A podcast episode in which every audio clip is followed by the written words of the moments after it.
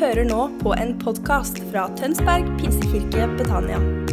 Vil du vite mer om oss, gå inn på betania.no.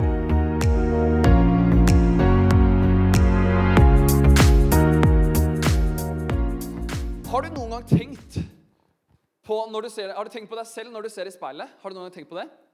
Altså Når du, når du ser i speilet, så lyver speilet. Har du noen gang tenkt på at det speilbildet er feil? Er det bare jeg som har tenkt på det før? Hmm. Fordi ikke sant, et speil, speilbilde de, det, det forteller jo på en måte, det reflekterer jo bare rett tilbake. Sånn at dette punktet er det samme punktet der, bare motsatt. Så egentlig så ser jeg speilvendt ut i forhold til hva jeg ser ut som i speilet. Men det gjør dere også. ikke sant? Når dere ser dere selv i speilet, så er dere på en måte egentlig speilvendt i forhold til hva dere egentlig er. Det er ganske sykt. Og når jeg da så meg selv hvordan jeg egentlig så ut, så, ut, så bare Hæ? Hvem er det der? Ser jeg, her ser jeg faktisk sånn ut. Eh, og det kan hende at du tenker òg. Dra hjem og, og sjekk det. For du ser faktisk ikke ut sånn som du gjør i speilet, men du ser speilvendt ut. Det er ganske kult. Og jeg lurer på hva er det egentlig som identifiserer oss? Mitt, eh, mine identifikasjonskort, altså mitt bankkort, det skal liksom gi meg identitet, eller skal vise hvilken identitet. Men da ser jeg ut som en gutt som er 15 år, som er litt trøtt og har veldig langt hår.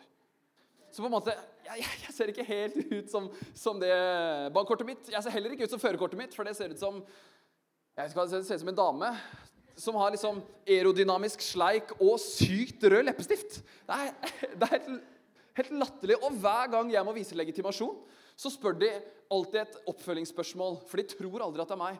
Jo, kan du stave etternavnet ditt? Eller sånn du, Hva er personnummeret ditt? Og så skal jeg da gjenfortelle det for å vise at det faktisk er meg.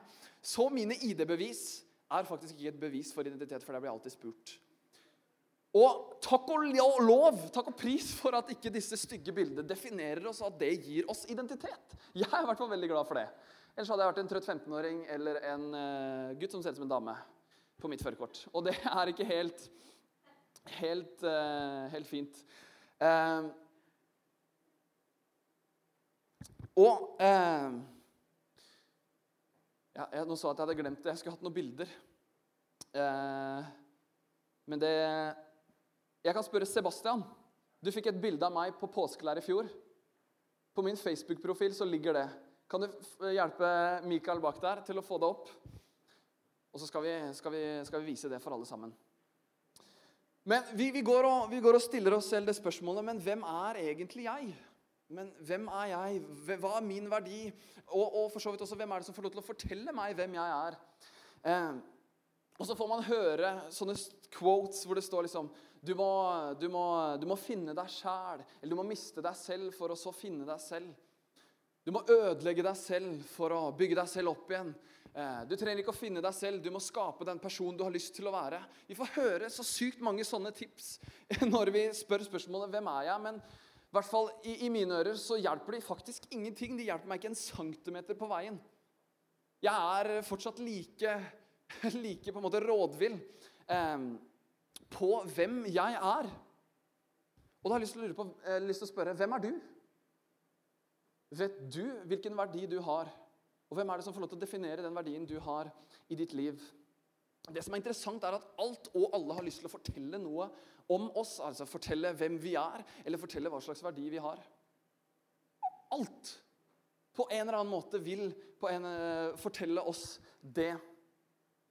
Alle har liksom en mening på hvem jeg er, eller hvem jeg burde være, eller hvem jeg skulle ha vært. Og så, kanskje sånn det er med deg også. At det er alltid noen som prøver å fortelle deg at du burde være noe annet enn det du egentlig er. Eh, og Vi har vært inne i en, en taleserie nå i det siste som heter 'Livet pluss tro er lik sant'. Hvor vi ser på det at når man kombinerer liv og tro, når troen får en praktisk betydning i livet, så, så blir det mye mer spennende. Det er da det faktisk Eh, det er da det faktisk blir liv. Det er da det faktisk er spennende. For hvis, hvis, vår tro bare blir en del abstrakte konsepter og ideer og noe som ikke kan ta hendene våre i, så, så, har den jo bare en symbolsk verdi. Men med en gang vi faktisk setter den ut i praksis, og den får et synlig bevis i våre liv, så, eh, så får den en praktisk verdi. Og jeg har lyst til å snakke om i dag hvordan identitet på en måte hører hjemme i det her. Eh, fant vi det bildet? Har vi det, får vi det opp? Å, det blir spennende å se. Nei, det er ikke det. Det var feil.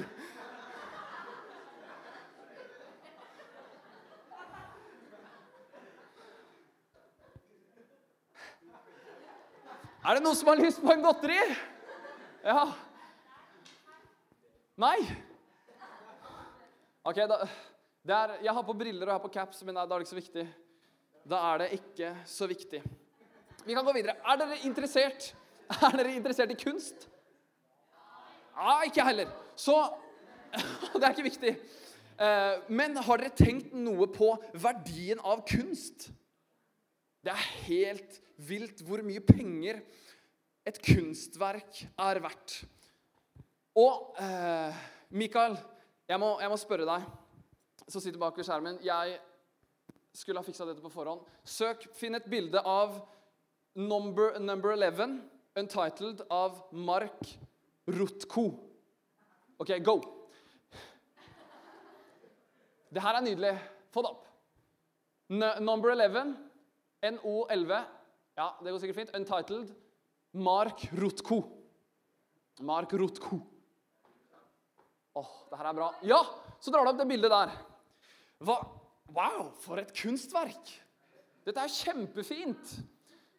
Altså Eller er det egentlig fint? Det ser jo ut som noe som henger på veggen i kunst- og håndverkerrommet på ungdomsskolen. Det er liksom ikke så fantastisk. Det er jo en oransje firkant med tre andre firkanter i. To litt mindre oransje og en litt hvit.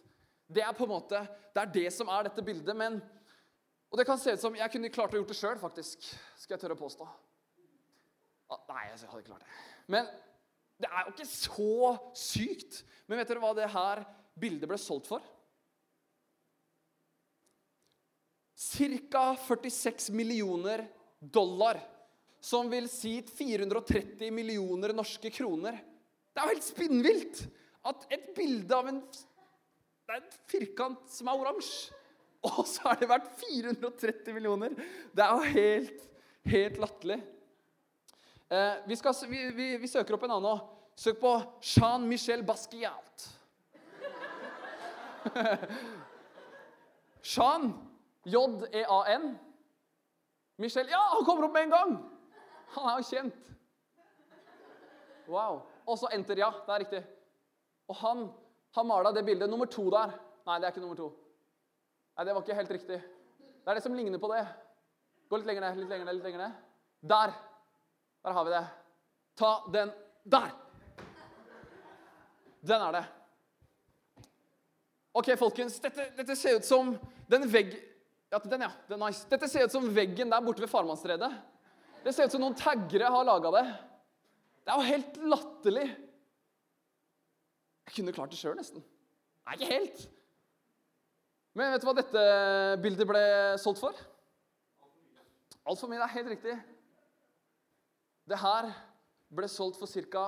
100 millioner dollar. Altså over en milliard. 1000 millioner! Det er jo det er jo spinnvilt! Og jeg lurer på, herlighet, noen eh, taggere, noen rascals i byen her kunne klart å lage noe lignende. Men hvorfor i alleste dager er det så sinnssykt dyrt? Hvorfor er det folk som gidder å betale så sinnssykt mye penger for et bilde som ikke er så vakkert? Folkens, hele greia Det handler faktisk veldig lite om kunsten i seg selv. Men det får verdi hvis signaturen er av en kjent person. Altså Hvis det er signaturen av en kjent kunstner, så får det en høy verdi. Altså, Det er ikke kunsten i seg selv som er verdifull, men det er signaturen. Det er pga. kunstneren som gir det verdi. Nå kan vi gå på min powerpoint. Du er et kunstverk, hvis du ikke har helt tenkt over det. Men du er et kunstverk, enten om du liker det eller ikke. Til og med dette vi så her i stad, det er kunst. Så på en måte det er mye rart som er kunst. Og du er også et kunstverk.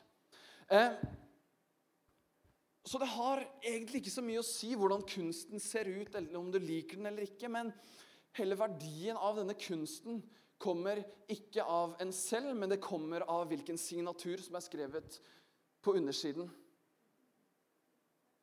Vår verdi er ikke selvbestemt. Det er ikke sånn at jeg skal gi meg selv min egen verdi og gi meg tommel opp, og nå er jeg flink. Eller det er ikke sånn at jeg søker utover, at det er noen andre som skal gi meg verdi.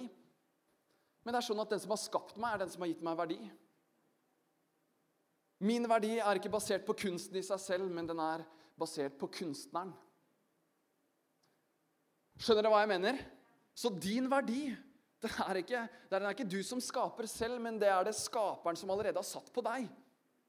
Du er uendelig verdifull fordi du har Guds signatur på deg. Derfor er du et kunstverk. Gud sa det i første Mosebok, kapittel 1, vers 26. La oss skape mennesket i vårt bilde, eller i mitt bilde, altså i Guds bilde. Etter vår lignelse, altså lik som Gud. Vi er skapt lik som Gud. Og så står det i vers 27 og så skapte han mennesket i sitt bilde. Først så sa han at han skulle gjøre det, og så gjorde han det. Og vår verdi, folkens, bestemmes av hvem som har skapt oss. Det er det som gir oss verdi, ikke noe som helst annet. Vi er skapt lik som Gud. Og vi er faktisk den eneste skapningen Hvis du leser første Mosebok, og de første kapitlene så leser du det at det er den eneste skapningen, mennesket, som har Guds signatur, som er skapt lik som Gud, faktisk. Det er bare vi det er bare vi som, som, er skapt i det som heter på latin 'imago dei', altså i Guds bilde, eller et avbilde av Gud. Og jeg vet ikke, Er det noen som har tatt sånn tatovering fra sånn kjeksboks? Eller sånn, eh, ja, det er noen som vet hva det er, ikke sant? Ikke sant? Så smekker du den på hånda, og så tar du på litt vann og så tar du den av, og så er det på en måte et avbilde. På samme måte så er, har Guds på en måte eh, fingeravtrykk blitt satt på oss. Hans avbilde er blitt lagt ned i oss.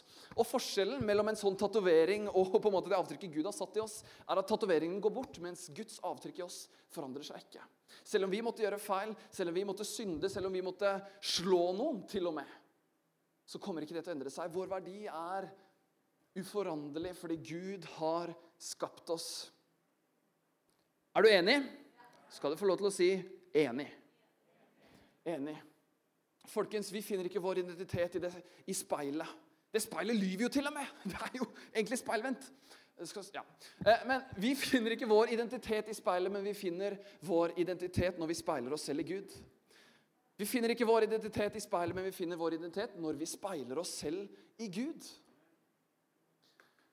Vi er alle sammen liksom på let etter det spørsmål, svaret på spørsmålet 'Hvem er jeg? Hva er min identitet?' Folkens, vi må begynne å lete riktig. Vi må ikke begynne å søke utover, men vi må begynne å søke nedover. Fordi vi finner ikke vår identitet i speilet. Vi finner ikke vår identitet, i hvert fall ikke når vi speiler oss i andre. Men vi finner vår identitet når vi speiler oss i Guds ansikt. Det er bra! Identitet, Ordet identitet betyr på latin å være den samme eller å være lik. Altså Når vi da har vår identitet i Gud, så har vi den samme selvoppfattelsen. Eller min selvoppfattelse er lik Guds oppfattelse av meg. Altså Når vi har identitet i Gud det, Identitet betyr det samme eller å være lik.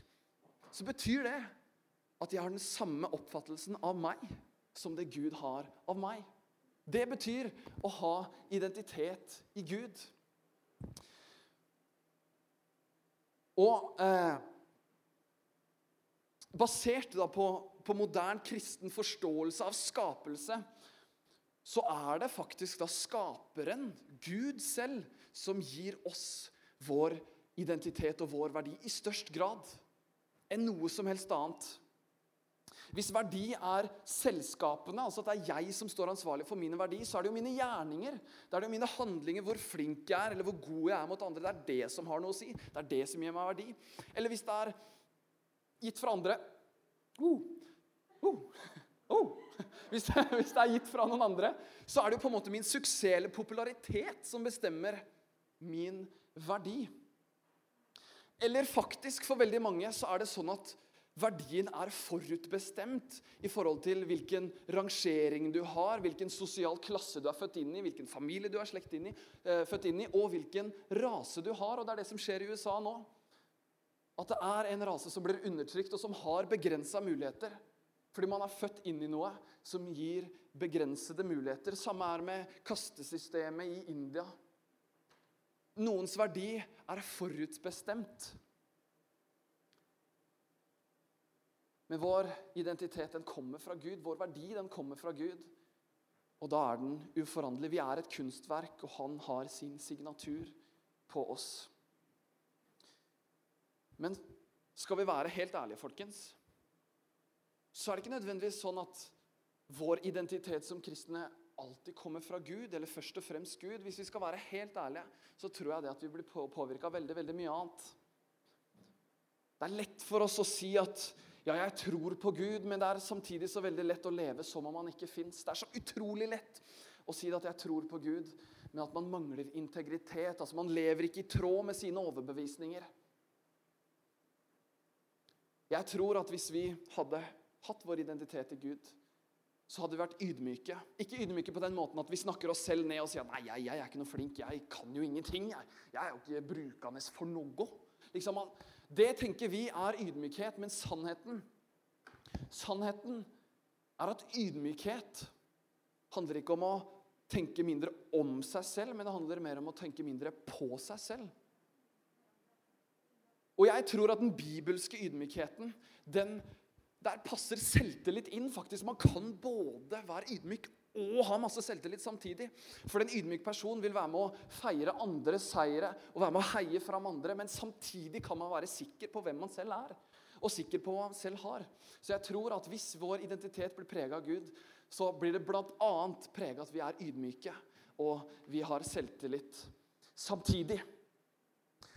Ofte så er det så lett at vår identitet begrenses til våre handlinger. Altså Vi er det vi gjør. Men jeg vet ikke om du har tenkt på det før, men man kan ikke være å klappe. Det går ikke an. Klappe er en handling. Jeg kan ikke være en handling.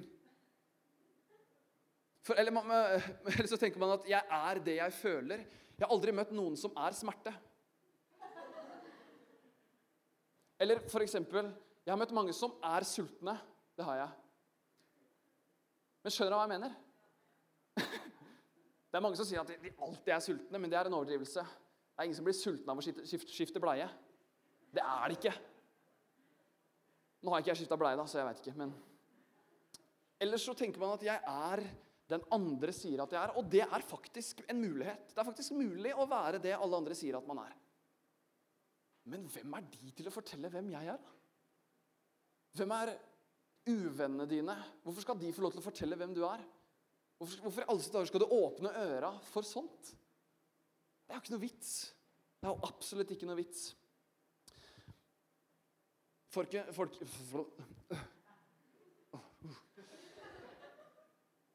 Ja. Eh, noen tok den, andre tok den ikke. Det går fint. Men i mye større grad så påvirkes vår identitet. Den defineres av vår tilhørighet. Har dere tenkt på det noen gang? Din familie gir deg mer identitet enn du aner. Dine venner gir deg masse identitet. Eh, men hva med kirka? Burde ikke kirka også gi en, en, en, type identitet? En felles identitet? Og jo, selvfølgelig må det være sånn. Men ikke først og fremst fordi vi tilhører hverandre og fordi vi påvirker hverandre. Det burde ikke være den først og fremst. Ordet kirke stammer fra gresk, det greske ordet kriakos, som betyr å tilhøre Kristus. Altså, vi som kirke, vi, vi får en felles identitet fordi vi tilhører den samme. Og Derfor har vi en felles identitet. Ikke fordi vi, vi, preger hverandre først og fremst, men fordi at Gud preger oss først og fremst. For det er det kirke betyr. Og hvis du har som mål om å leve med Gud resten av livet, hvis du har som mål å, å være en disippel av Jesus, da bør du gå i kirka. Fordi kirka betyr å tilhøre Kristus. Så kirka er ikke en dum ting, men vi har ofte et feil bilde av hva kirka er. Ofte tenker at det er bygget. Men hvis vi tenker det er folka, så er det en klubb. Eller det er en lukka klubb for de, de, snille og de som virkelig kan ting, og de som, er, de som har skjønt det. Men sannheten er, folkens, er at det er jo ikke det. Mange tenker at kirka er som et museum, hvor man kommer inn og, får, og så får man presentert alle de som har skjønt det. Disse her er flinke. Disse her Dette er folka. Men mye mer at det er et museum, så er det et sykehus for syndere. Hva er forskjellen på de som drar på et museum, og de som drar på et sykehus? De som drar på et museum, de går inaktivt, eller de går aktivt, og så står de inaktivt på museet, og så får de høre og se om historiske hendelser og masse informasjon, og så står de sånn her. Eh, mens på et sykehus så kommer det jo helt andre folk. Der kommer det folk som har sår, og så går de forhåpentligvis ut litt friskere, med litt mindre sår enn når de kom. Og det er jo det på en måte en kirke burde være. Ikke et museum som presenterer alle de som har skjønt det. Men det burde jo mye heller være en kirke hvor hvem som helst kan komme inn med sine sår og være ærlig om det. Jeg har et sår her, f.eks. Jeg er ærlig om det. Og så, i løpet av de timene jeg er her, så har det lega litt. Nei, det var tull. Men poenget er at når vi er i kirka, så, så, så, er vi alle sammen Vi har alle sår, vi har alle mangler. Vi er ikke perfekte. Og det skal vi heller ikke være, men vi kan komme fram med vår sårbarhet. Og så, forhåpentligvis, i, i, i møte med fellesskapet og i møte med Gud, så går vi ut herfra mye helere enn det vi var når vi kom. Enten om det er fysiske sår eller om det er på en måte psykiske og, og, indre sår, så tror jeg det at både fellesskapet kan være med å gjøre noe med det, og jeg tror i hvert fall at Gud kan være med å gjøre noe med det. Men jeg tror vi, i tillegg til å ha feil bilde av, av kirke, så har vi også en feil forståelse av det å være kristen. Er kristne er det folk som oppfører seg moralsk riktig. altså De, de følger alle reglene. Men historien viser at på en måte, hvilken som helst mann i gata kan på en måte slå en kristen på nettopp det. Er det folk som er adskilt fra virkeligheten og lever i en sånn åndelig verden eller åndelig sfære langt der ute? Og for mange så er det faktisk litt sånn. Eller er det, er det sånn at det er, det er, folk som sier at de tror, men de lever som om man ikke fins, og der er vi alle i samme kategori? Vi sier alle sammen at vi tror, men på noen steder i livet så lever vi som om Gud ikke fins. At vi ikke helt klarer å tro på den bønnen. Eller at vi ikke klarer helt å gjøre noe med, med våre livsvaner. Det er heldigvis ikke moralsk riktig, de som lever moralsk riktig. Det er heldigvis heller ikke de som er adskilt fra virkeligheten. Men jeg tror på en åndelig virkelighet, så absolutt. Det er ikke det jeg sier. Men det er ikke bare det, er så utrolig mye mer.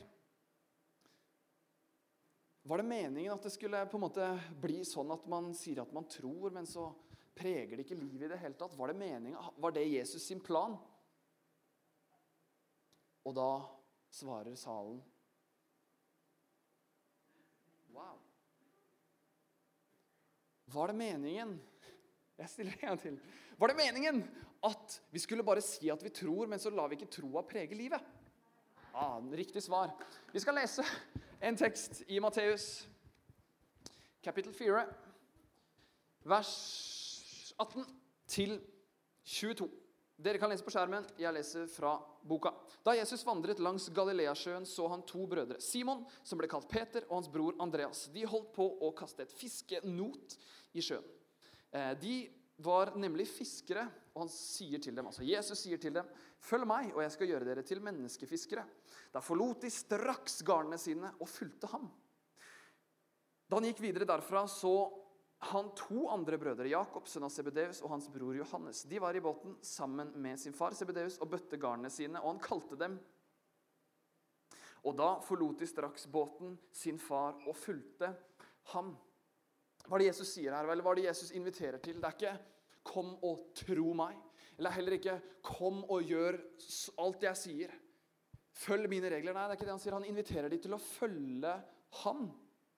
Poenget er ikke å sitte hjemme og si at man tror. Poenget er heller ikke å, å på en måte bare følge alle reglene. Men hele poenget er å følge han, bli kjent med han, bli prega av han, tilhøre han og bli mer og mer lik han. Er dere enige? Det er det som er hele poenget.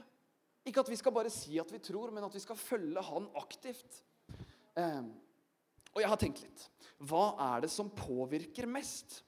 Man får høre at det er de som snakker høyest i samfunnet, som påvirker mest. Men jeg er ikke helt enig nødvendigvis. La meg høre med dere. Hva er det som er mest irriterende? En, eh, en på en måte flyalarm som går klokken tolv. En gang om dagen. Tut.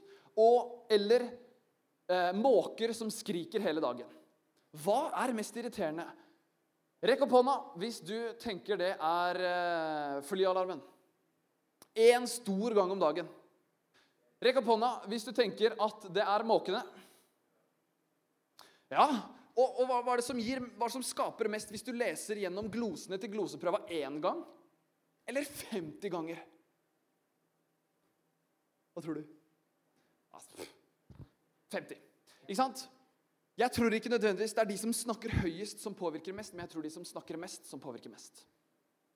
Og hva er det som snakker mest inn i våre liv? Hva er det vi fyller oss mest med? Hva er det som får lov til å snakke inn i våre liv? Det er ikke nødvendigvis den som snakker høyest. Selv om jeg har en mikrofon her og nå, så har det ingenting å si hvis du går hjem og fyller deg med alt mulig annet og ikke kommer hit før Eller og ikke, det, det skjer noe før etter sommeren. Så er det jo fylt med alt mulig annet drit. Så da hjelper det ikke at jeg snakker høyt her og nå. Men det er hver eneste stemme som snakker hele tida. Hva vi følger på sosiale medier, hvilke venner vi har, hvilke språk vi bruker, hvilket språk de vennene våre snakker. hvilken... Vi kan ta alle disse valga, folkens. Hvem er det som skal få lov til å påvirke? Jeg har lyst til å spørre deg hva er det du hører mest om? Hører du i, på sosiale medier, f.eks., hva er det du hører mest om? Hører du mer om Gud? Eller hører du mer om hvordan du burde se ut? Hva du, hører du mer om, om evangeliet og den fantastiske historien om Jesus, eller hører du mer om at du burde ha gode karakterer? Du burde, du burde, du burde, du burde. Hva er det du hører mest av? Sannsynligvis så er det den andre. Jeg har rydda i mine sosiale medier, sånn at det stort sett bare kommer positive ting. Jeg gir folk én sjanse når det kommer til sosiale medier. Med en gang de legger ut noe som jeg på en måte ikke vil ha noe av. Rett ut. Og det anbefaler jeg deg også. Fordi du står faktisk ansvarlig. Det er du som bestemmer om du skal fylle livet ditt med la oss kalle det dritt, versus å, kalle, å, å fylle det med noe annet. Vi må faktisk bestemme hvem som skal bestemme i våre liv. Jeg tror at vi, vi, vi liker egentlig ikke å bestemme, folkens. Er dere enige med meg? Jeg hater å bestemme! Åh, liksom Hva jeg skal ha på meg, hva jeg skal spise til middag. Eh, jeg liker å bestemme at jeg har bart. Det liker jeg sjøl. Men at på en måte, alt disse uviktige tinga Hvorfor kan det ikke bare noen andre bestemme for meg? Og derfor har jeg kone, eh, blant annet. Eh, men jeg liker samtidig å bestemme hvem som skal bestemme i mitt liv. Det er derfor jeg har kone. Fordi hun har et øye for stil. Derfor kan ikke sant? Ja da. Men eh, jeg Sorry, jenter. Det må bare, det må bare skje. Eh, men jeg liker å bestemme eh, hvem som skal bestemme. Eh, dere har vært på McDonald's før, ikke sant? Det mest stilte spørsmålet på McDonald's er hva skal du ha? Man spør aldri dette spørsmålet fordi man faktisk lurer på hva den andre skal ha, men man spør det for å vite hvilken standard er det jeg skal legge meg på. For hvis, hvis den man er sammen med, skal bare ha en, en, en Sunday eller en milkshake, og så har du tenkt liksom dobbel Big Mac, Whopper Nei, Whopper er Burger King. Sorry. Men eh, da kan man jo ikke kjøpe en dobbel Big Mac liksom, når noen andre kjøper en, en, en milkshake. Man spør fordi man skal la den andre bestemme cirka på hvilken standard man skal legge seg på. Er det noen eh, som tør å tilstå? Er det noen som tør å tilstå? Jeg tror vi alle sammen er det. Hva skal du ha? Spørsmålet er egentlig hva skal jeg ha? Er det jo egentlig. Eh, jeg syns det er veldig interessant at det der skjer. Eh, nice. Vi begynner å, det begynner å ligne på noe. Eh, er det bra? Mækkern. Um, fun fact. Jeg gikk på den bibelskolen eh, Sebastian skal gå på eh, nå til høsten. Vi var, Første året der så var vi gjennomsnitt på McDonald's to dager i uka. Ok. Jeg bare satt standarden der, Sebastian. Se om du følger den. Men ja eh, Tilbake. Vi liker ikke å bestemme ting. Men vi må ta noen valg i våre liv, faktisk. Det er noen ting vi må selv bestemme, og det er bl.a. hvem er det som skal få lov til å påvirke meg og min identitet. Jeg har lyst til å spørre deg, Hvem er det du følger på sosiale medier? Hvem er du venn med? Hvilke serier er det du ser på? Hvilke filmer er det du ser på? Hvilke ord er det du bruker? Det som vi hører mye, det er det som blir sannhet for oss. Derfor passer jeg på hva er det som kommer inn på sosiale medier. Der er det stort sett kristne ting, venner som legger ut positive ting, og trommer. Det er de tre tinga jeg har på sosiale medier, og det blir jeg glad av. Og det preger livet mitt. Eh, og det vi hører mye, det, det, preger livet vårt. Har dere hørt om selvoppfyllende profetier? Det, det, er sånn at man forteller seg en ting til det blir sant. Og, og, og, jeg har lyst til å bare kaste det inn der. Det henger ikke helt med, men jeg har lyst til å si det allikevel, for jeg tror eh, vi er syke av det alle sammen. Fordi vi hele tiden forteller oss ting som ah, 'Jeg er sliten'. Ved å fortelle deg selv det, så blir du mer sliten. Ah, 'Jeg er ikke bra nok'. Ved å fortelle deg selv det, så, så tenker du at du ikke er bra nok. Ah, 'Jeg får det ikke til'. Når du forteller det, så får du i hvert fall det ikke til. Altså Når vi forteller oss disse tinga, så, så blir det sannhet for oss. Og Jeg tror vi alle sammen er egentlig skyldige akkurat det at vi forteller oss noen ting som egentlig ikke er helt bra. Og med vår egen stemme så kan vi faktisk ta og prege vårt eget liv og vår egen identitet, faktisk. Jeg har en kompis som, eh, som har en hodeskade og eh, sliter litt med det. Og han har eh, øresus pga. det. Og når øresusen kommer, så knyter kroppen seg sammen. Han får på en måte sånn fryktanfall, nesten. Mens det psykologen har sagt til han, er at gjør motsatt. Når, når, det skjer, gjør motsatt. La oss, la oss, ta med dette inn mot selvoppfyllende profetier. Hvis du ikke får til en ting, si at du får det til. Hvis du ikke syns at du er pen, si at du er pen. For det du forteller deg selv, det blir etter hvert sannhet. Ok? Folkens, Hele poenget med å være kristen er ikke å si det, men det er å gjøre det. Hele poenget med å være kristen er å si det. Nei, ikke å si det, men å gjøre det. Um, og som Jesus inviterer i Matteus 4.: Følg meg, og ikke bare for en to ukers periode eller en fireårs periode, men hele livet. Ta og Følg meg. Og det som er kult, folkens, er at vi skal bli så lik Jesus som bare mulig.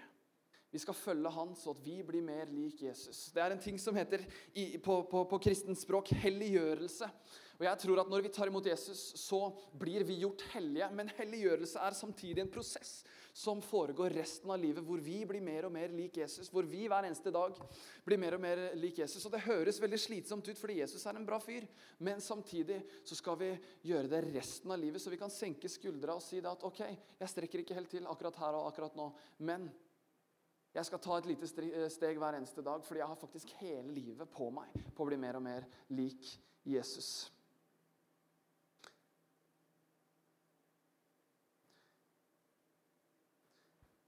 Jeg tror Jesus han inviterer oss til å følge han, han inviterer hvem som helst. Han inviterer hvem som helst. Det som er så kult med Gud, er at, ja, er at han elsker oss akkurat sånn som vi er. Uansett hva du måtte ha gjort feil denne uka her, uansett hva feil du måtte gjøre i morgen, så elsker han deg like mye.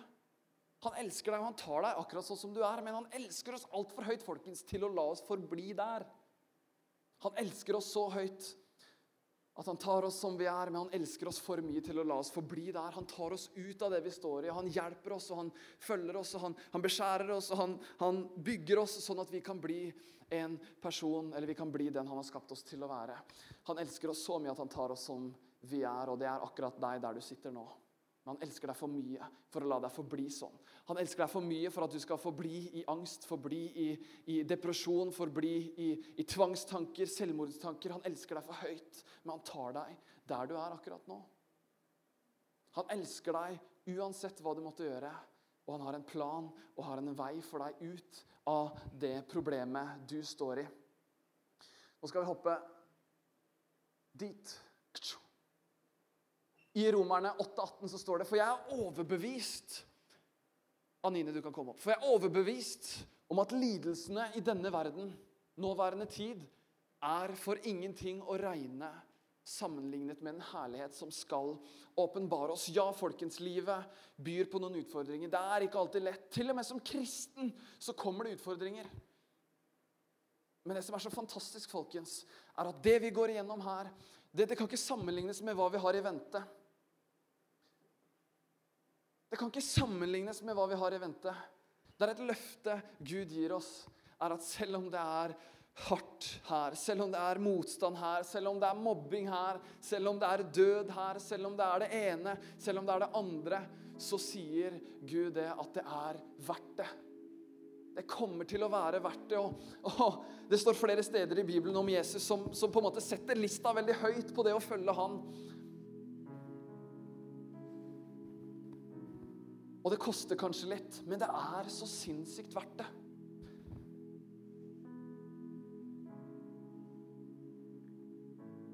Selv om det kan koste litt, så er det så sinnssykt verdt det. Du er et kunstverk. Og din verdi bestemmes av hvem kunstneren er. Og det er Gud. Han har signert akkurat det der.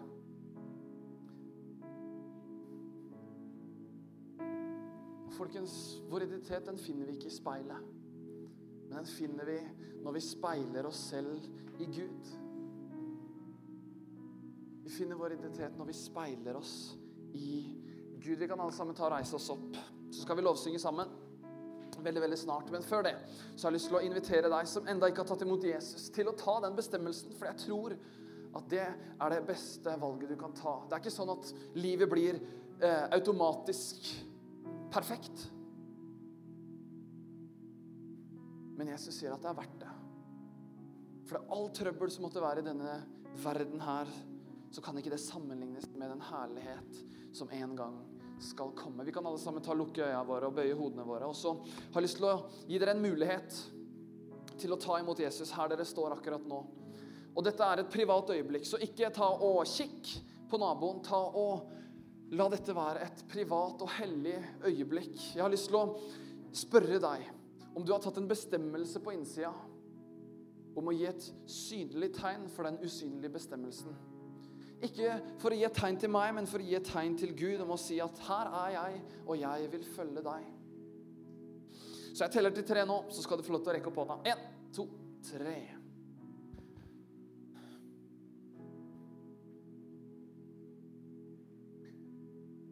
Er nydelig. Det er sikkert noen som kjenner her at det dunker litt i hjertet.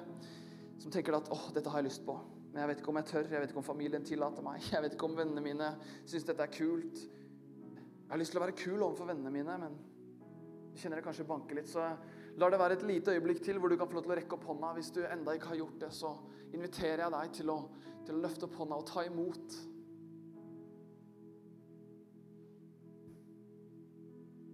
Det du tar imot, er at Jesus døde på korset. Og det var ikke bare en mann som døde, men han tok vår synd Altså det som skilte oss fra Gud. Så det han har gjort, er at han har gjort alt ferdig, sånn at vi kan leve rett med Gud. Det betyr at veien er ganske rett fram. Det er for oss å ta imot.